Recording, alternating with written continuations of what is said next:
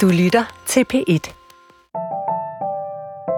Forfatteren Svend Aage Madsen og jeg havde en aftale i Aarhus for ret præcist et år siden. Den aftale blev forplumret af covid-19. Men nu sker det. Literature Exchange Festivalen 2021 er en realitet. Svend Aage Madsen sidder lige her ved siden af mig på scenen i Dokken på havnen i Aarhus. Hjertelig velkommen i bogselskabet, Svend Aage Madsen. Ja, tak. Skal vi ikke give ham en hånd?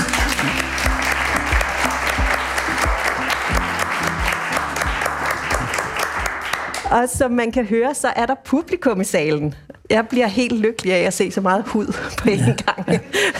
Hvad med dig? Har du, hvornår har du set, sidst set så meget ansigtshud? Det er længe siden, men det, det er faktisk ret godt at se mennesker, at de findes endnu.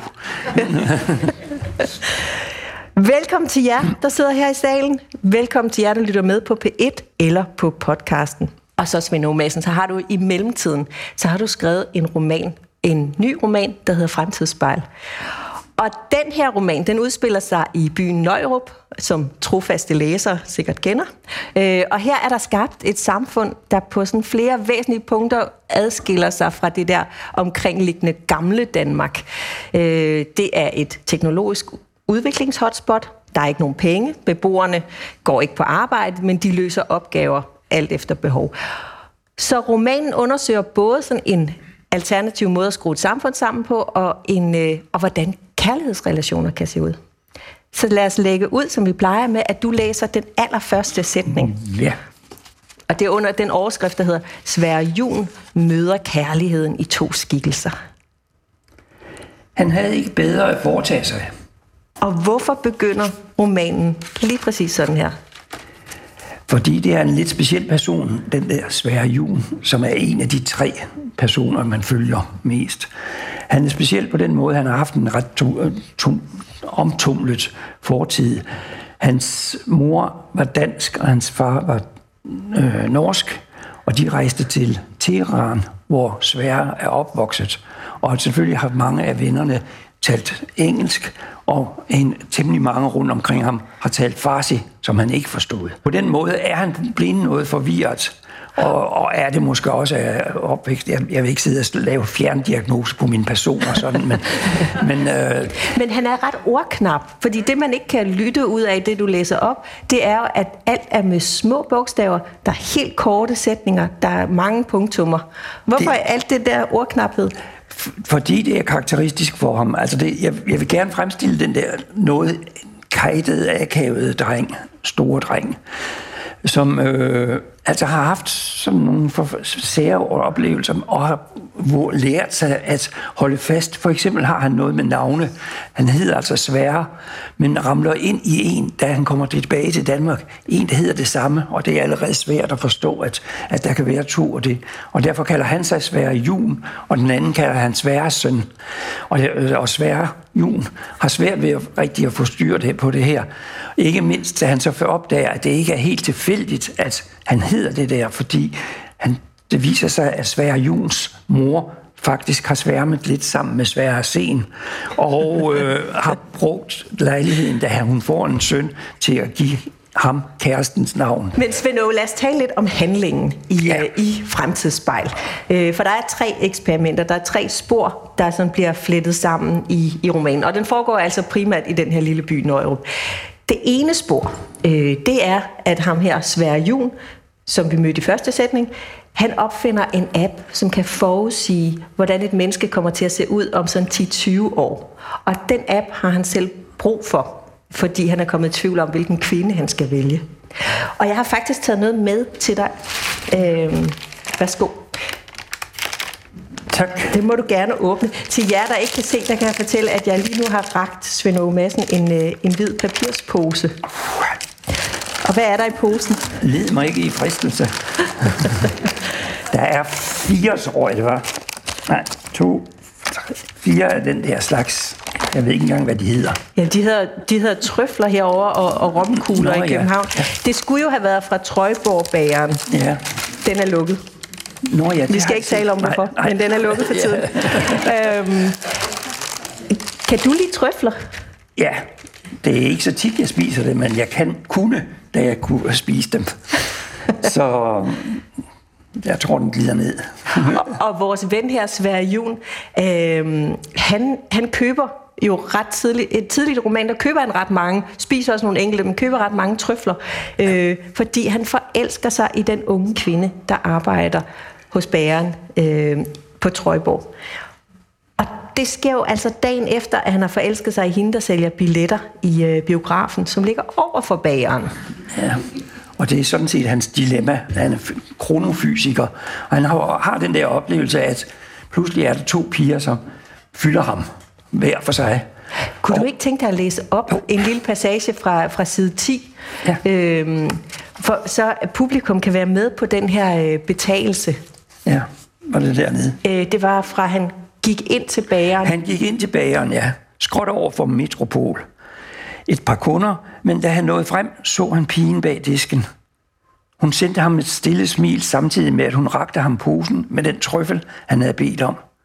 Kaloriebombe rolige, lidt sørmodige øjne, langt brunt hår, lidt mørk glød. Han var så forvirret, da han krydsede gaden, at han ikke var i stand til at spise. Betagende, smuk, og dog havde hun sendt ham dette tilbageholdte smil. Dybt konfus, indtil han altid levede i den overbevisning, at hjerter havde det ligesom kvinders æg, at sindet forholdt sig til kærlighed som ægget til sædcellen. Da det øjeblik en celle var trængt ind, blev skallen straks hård forhindrede enhver konkurrent i at trænge ind. Men her var det altså.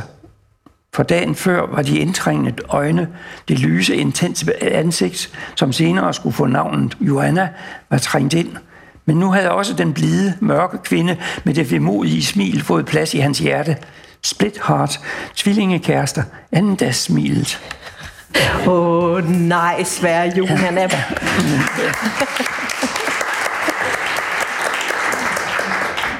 Sverre Jun har nu både forelsket sig i billetsælgeren Joanna og bagerjomfruen Irene. Ja.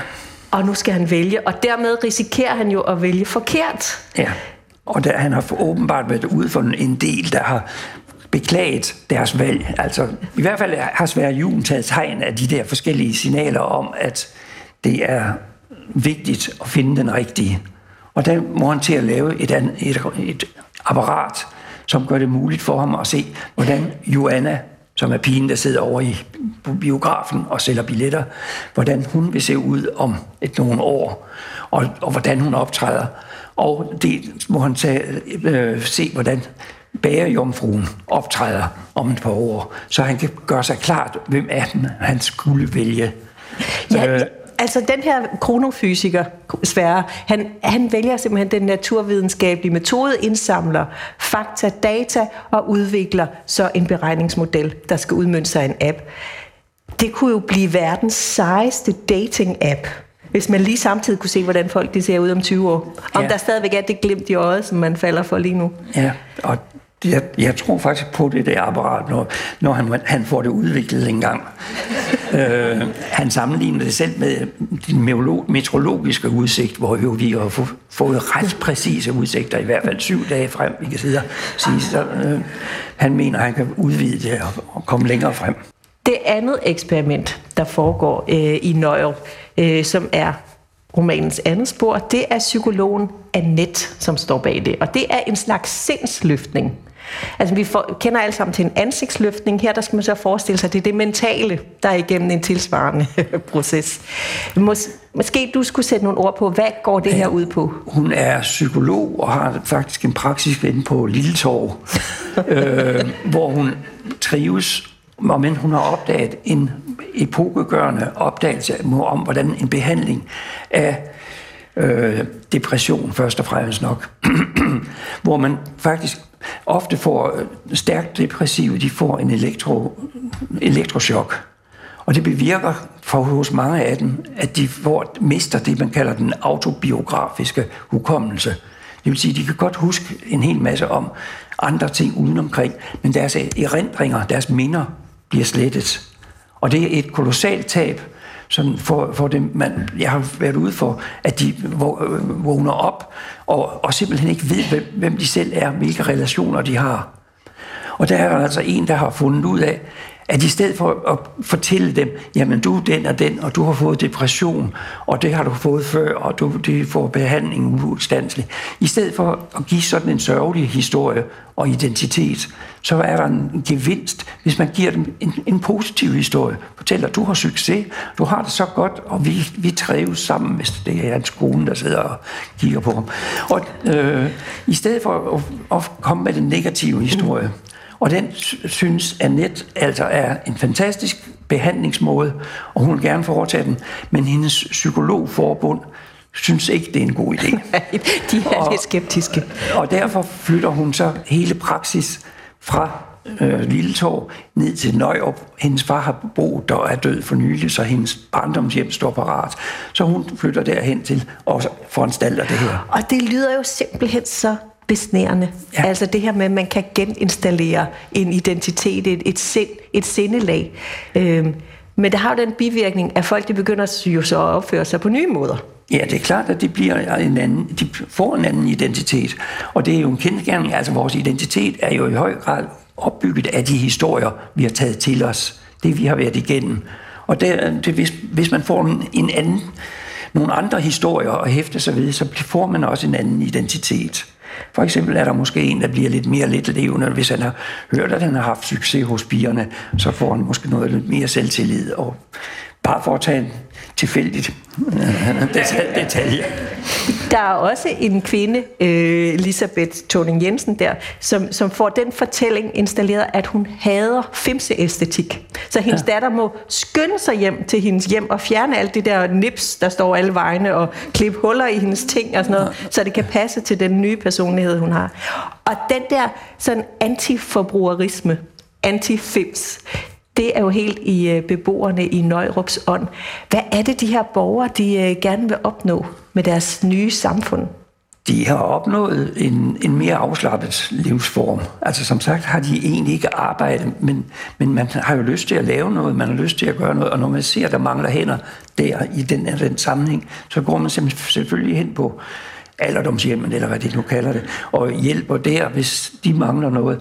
Og man, man udfordrer sig selv, og man ofte i nye arbejder, nye øh, steder, hvor det, der altså er brug for en. Så de har fået et, et samfund, hvor man ikke behøver at få betaling for at gøre nogle ting, for man gør det jo med glæde, man synes om det, og man øh, til gengæld koster ting ingenting. Så da øh, Aarhusianerne har fundet ud af det, så finder de jo ud af at stemme til Nøjrup og, og snuppe alt det, der de kan finde i butikkerne, der ikke koster noget.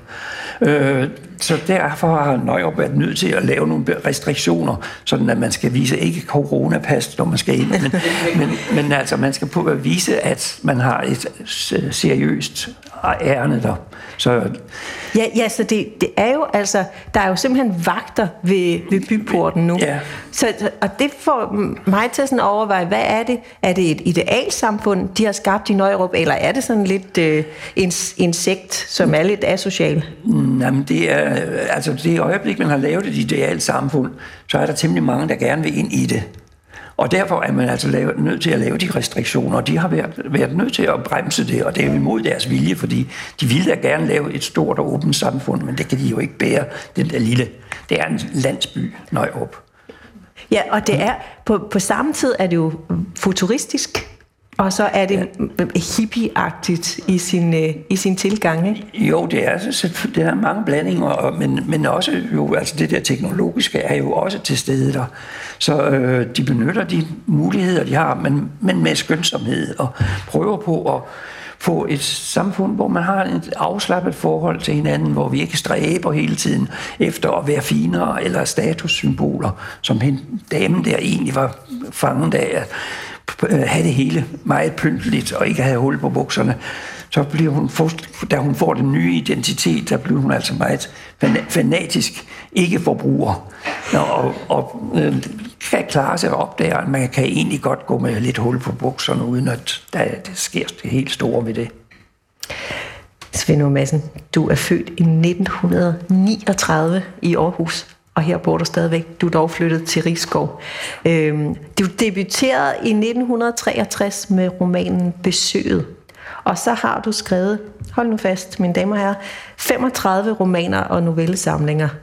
Altså Stort set en om året eller hver andet år. Og dertil kommer der jo så børnebøger, radiospil, dramatik og tre kriminalromaner, som du skrev sammen med din afdøde hustru Lise under pseudonymet Marianne datter. Du har også to voksne børn, og så har du fået et hav af priser, blandt andet De Gyldne laverbær og det Danske Akademis Store Pris.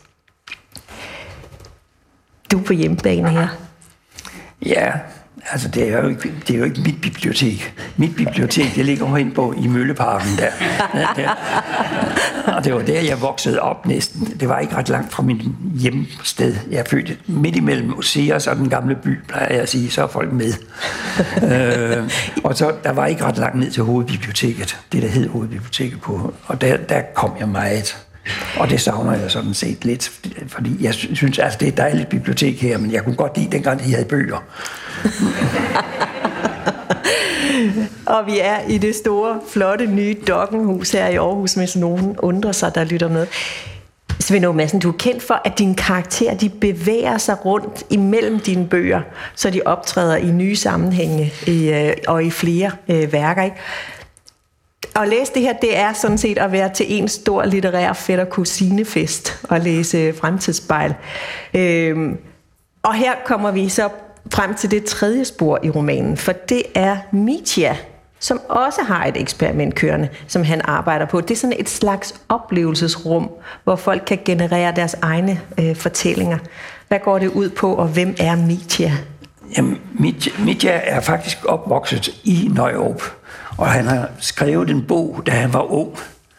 Øh, den hed Den usynlige myre, hvor han brænder lidt varm på en pige, og det, han går i skole i øh, måske 10-12 år. Og øh, der pludselig ser han en usynlig myre på, på pigen der, så han kan få lejlighed til at knuppe den væk. Og ja, så skal jeg ikke spøjle mere. øh, Mitja er i mellemtiden blev noget ældre. Han er som midalderne, men han får en besked om, at hans mor, er, som stadigvæk bor i Nøjrup, er alvorligt syg. Så han tager tilbage til Nøjrup for at besøge moren selvfølgelig og pleje hende.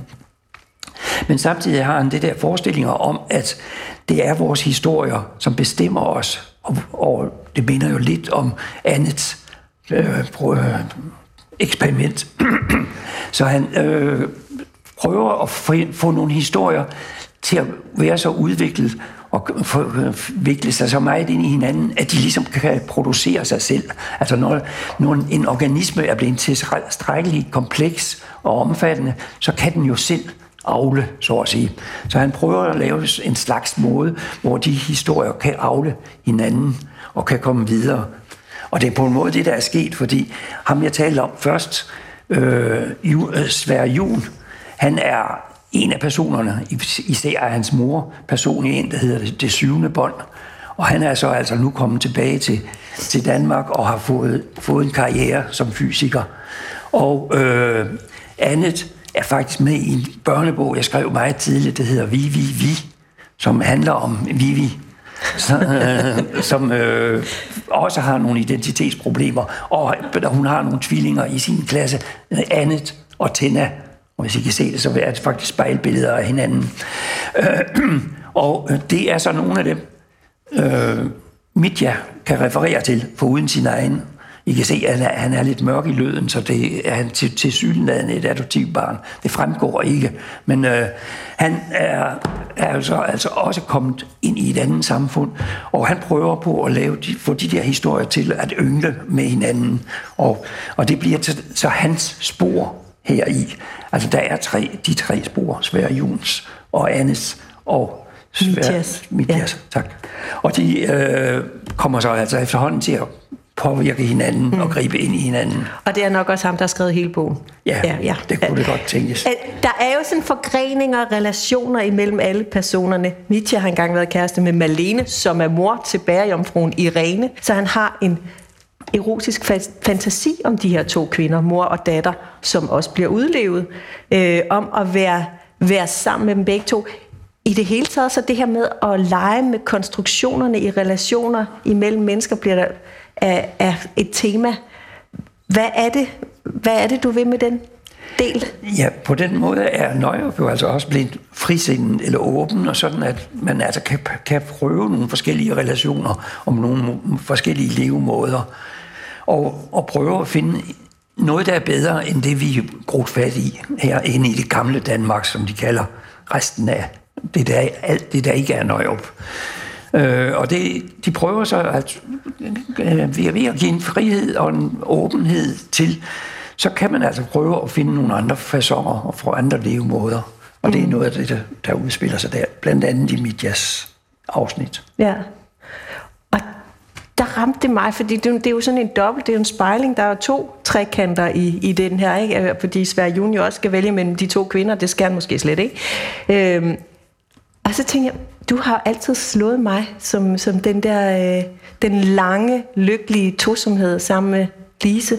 Altså det har været sådan et, et ideal, og så udfordrer du det her på den måde igen.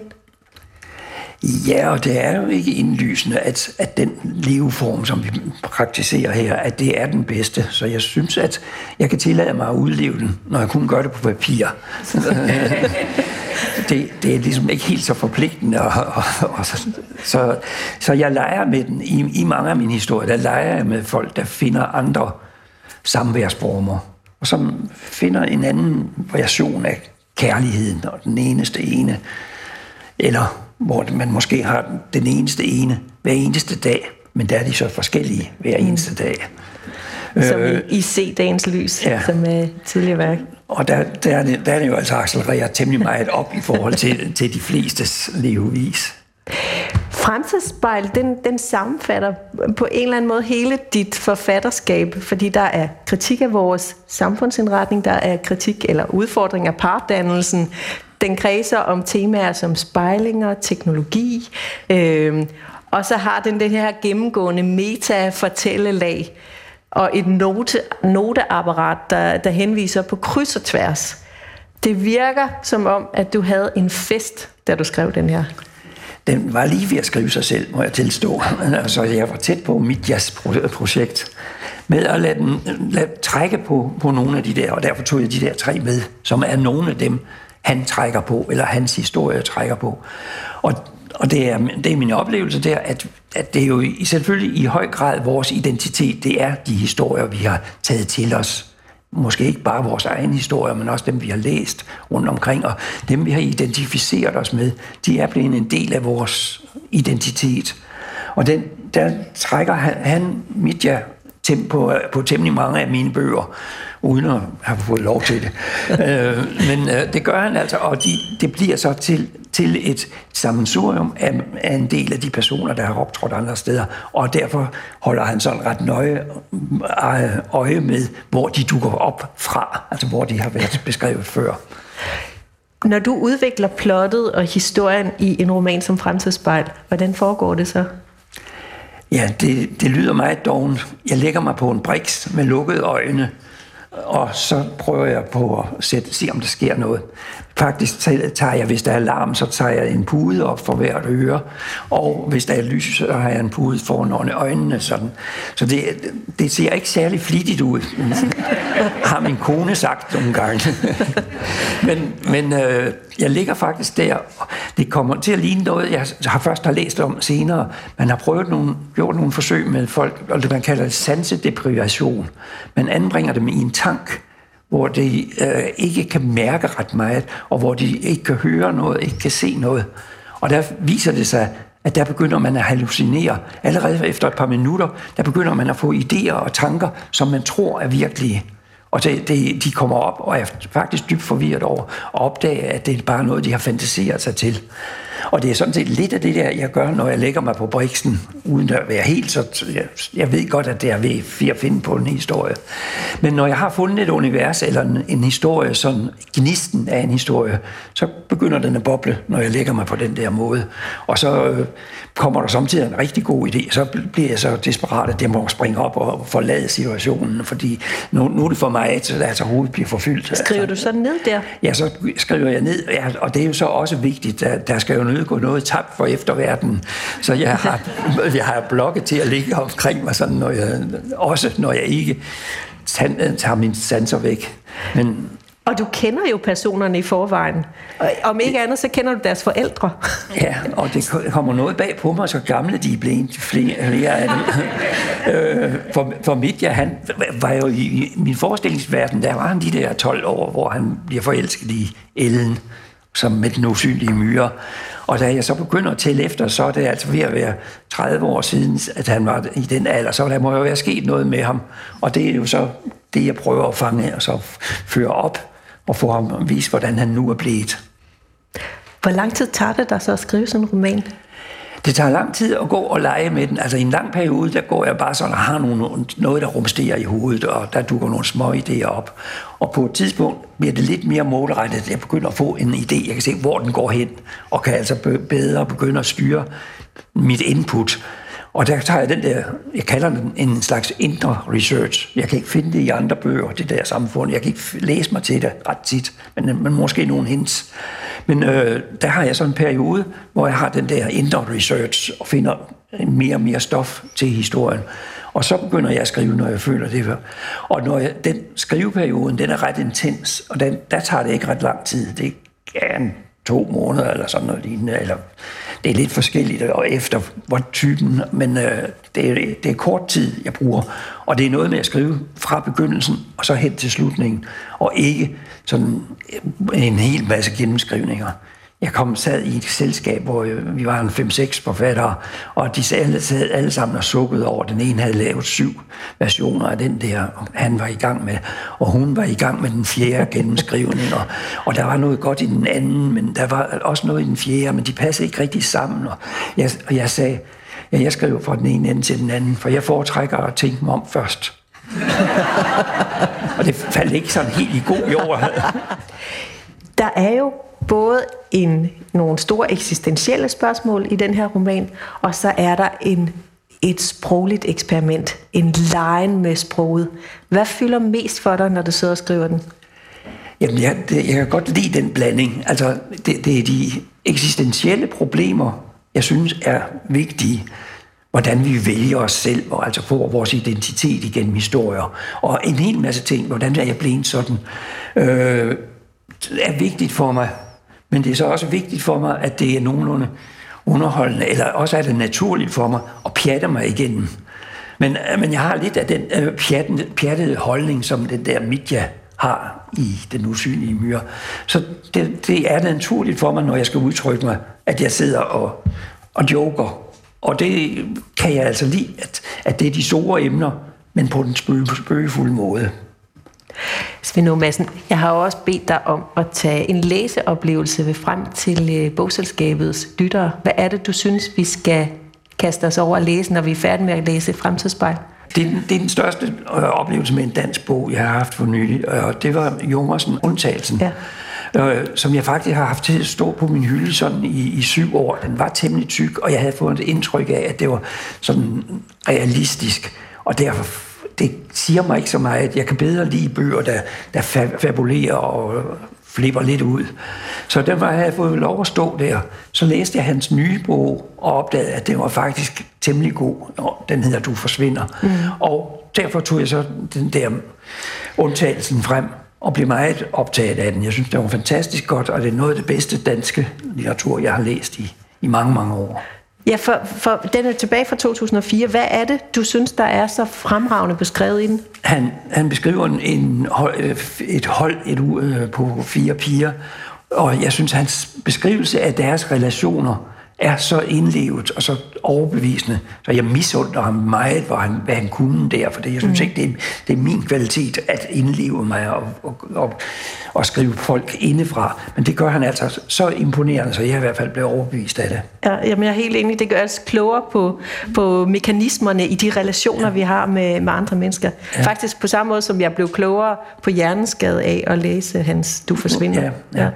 Jamen anbefaling hermed givet videre. Christian Junkersen, undtagelsen. Svend Madsen, tusind tak, fordi du vil komme her og medvirke i bogselskabet. Det har været en kæmpe stor fornøjelse.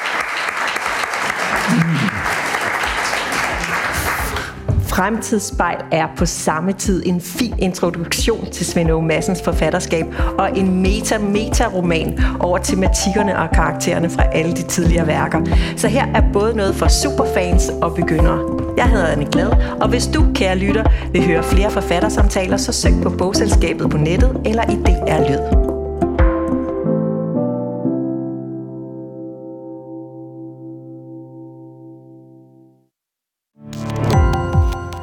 Gå på opdagelse i alle DR's podcast og radioprogrammer. I appen DR Lyd.